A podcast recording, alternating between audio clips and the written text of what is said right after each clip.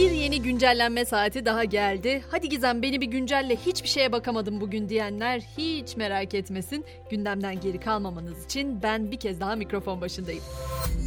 Bugün meclisin işbaşı yapmasıyla birlikte gündem biraz siyasete yönlendi ama biz kim kime ne dediye girmeyeceğiz hiç. Sadece CHP'nin dün akşamdan beri çok konuşulan o başörtüsüyle ilgili 3 maddelik kanun teklifinden söz edeceğiz. Teklif meclis başkanlığına sunuldu. Peki ne içeriyor? Kadınların yürüttükleri mesleğin icrası kapsamında giyilmesi gerekli cübbe, önlük, üniforma ve benzeri dışında kıyafet giymek ya da giymemek gibi temel hak ve özgürlükleri ihlal edecek biçimde herhangi bir zorlamaya tabi tutulamayacağını içeriyor.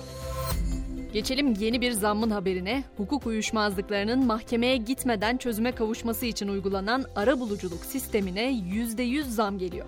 Ödenecek tutarlar konuya ve taraf sayısına göre de değişkenlik gösterecek.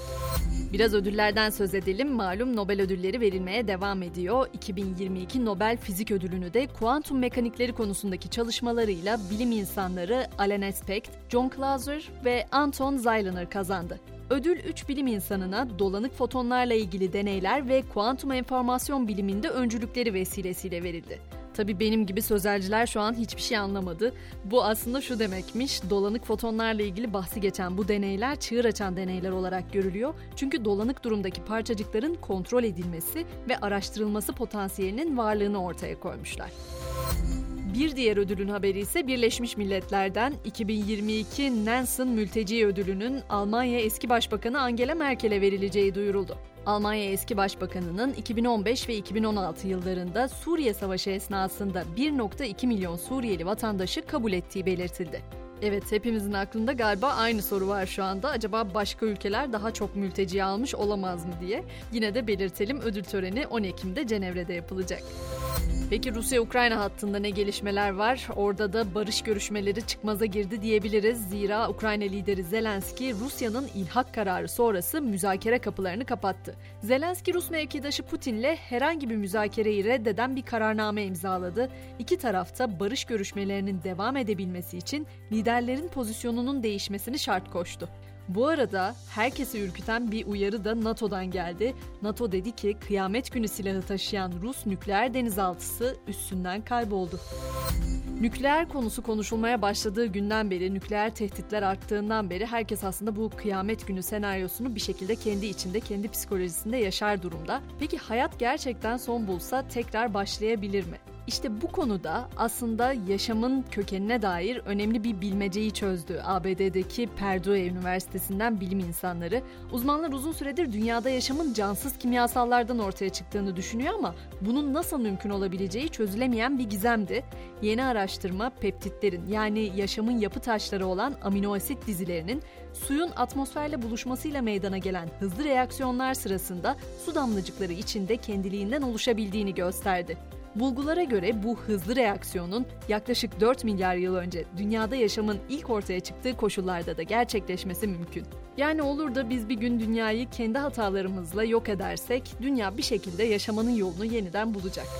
Avrupa'nın gündemi ise uzun zamandır enerji krizi biliyorsunuz. Etkilerini artık sert bir şekilde vatandaşlar da hissetmeye başladı. İtalya'da artan enerji maliyetleri nedeniyle uçuk fiyatlarda gelen faturalar pek çok kentte protesto edildi. Vatandaşlar elektrik, doğalgaz faturalarını yakarak tepkilerini sosyal medya üzerinden de paylaştı.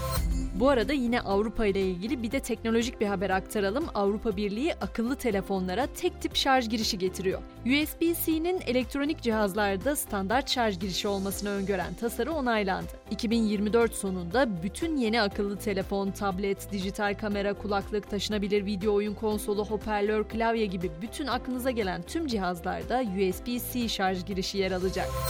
Filipinler'den gelen haberse gerçekten ilgi çekici. Çekilen piyangoda 4 milyon dolar değerindeki dev ikramiye tam 433 kişiye vurdu. Ülkede tabii şaşkınlık yarattı bu sonuç. Sonuç sonrası Filipinler Senatosu azınlık lideri soruşturma açılması çağrısında bulundu. Biraz da ünlüler dünyasına gidelim ve oradaki aslında dedikodulara bakalım. Geçtiğimiz Temmuz ayında evlenen Hollywood'un ikonik çiftlerinden Jennifer Lopez ve Ben Affleck'in evliliğinde sorunlar olduğu konuşuluyor. Çifte yakın kaynaklar ikilinin aileleri birleştirme stresini yönetmekte zorlandığını, Ben Affleck'in alışkanlıklarının da ilişkide sorun yarattığını iddia ediyor. Bu alışkanlıkların da dağınıklık, ne giydiğine dikkat etmemek gibi şeyler olduğu söyleniyor. Jetgiller çizgi filmini hatırlar mısınız? Eğer izlediyseniz mutlaka bunun hayalini kurmuşsunuzdur diye düşünüyorum. Ben haberi okuduğumda aklıma ilk o geldi çünkü. Hava taksi girişimi Wisk tamamen yeni elektrikli otonom uçan taksisini tanıttı. 6. nesil uçak tasarımı Wisk Aero birçok güvenlik özelliği ve gelişmiş tasarıma sahip. Bu mini otonom elektrikli uçan taksi 4 kişi taşıyabiliyor ve taksinin önümüzdeki yıllarda şehir içi trafikte uçması planlanıyor. Ancak öncesinde alması gereken birkaç zorunlu sertifika var. Sonrasında ise dilerim hepimiz için jetgiler hayatı gerçek olmuş olur. Hemen spor dünyasından gelişmelere de göz atalım. Ziraat Türkiye Kupası 3. tur eşleşmeleri belli oldu. Galatasaray'ın Türkiye Kupası 3. eleme turundaki rakibi 2. lig ekiplerinden GMG Kastamonu Spor oldu. A Milli Kadın Voleybol takımımız Dünya Şampiyonası ikinci tur ilk maçında bugün Almanya ile karşılaşacak. Mücadelenin başlama saati ise 20 olacak ve 500 milyar dolarlık geleceğin mega kentini kurarak çölde yıl boyu faaliyet gösterecek bir kış sporları kompleksi inşa etmeyi planlayan Suudi Arabistan 2029 Asya Kış Oyunları için ev sahibi seçildi. Günün son güncellemesini de böylelikle tamamlamış olduk. Yarın yeniden görüşmek dileğiyle.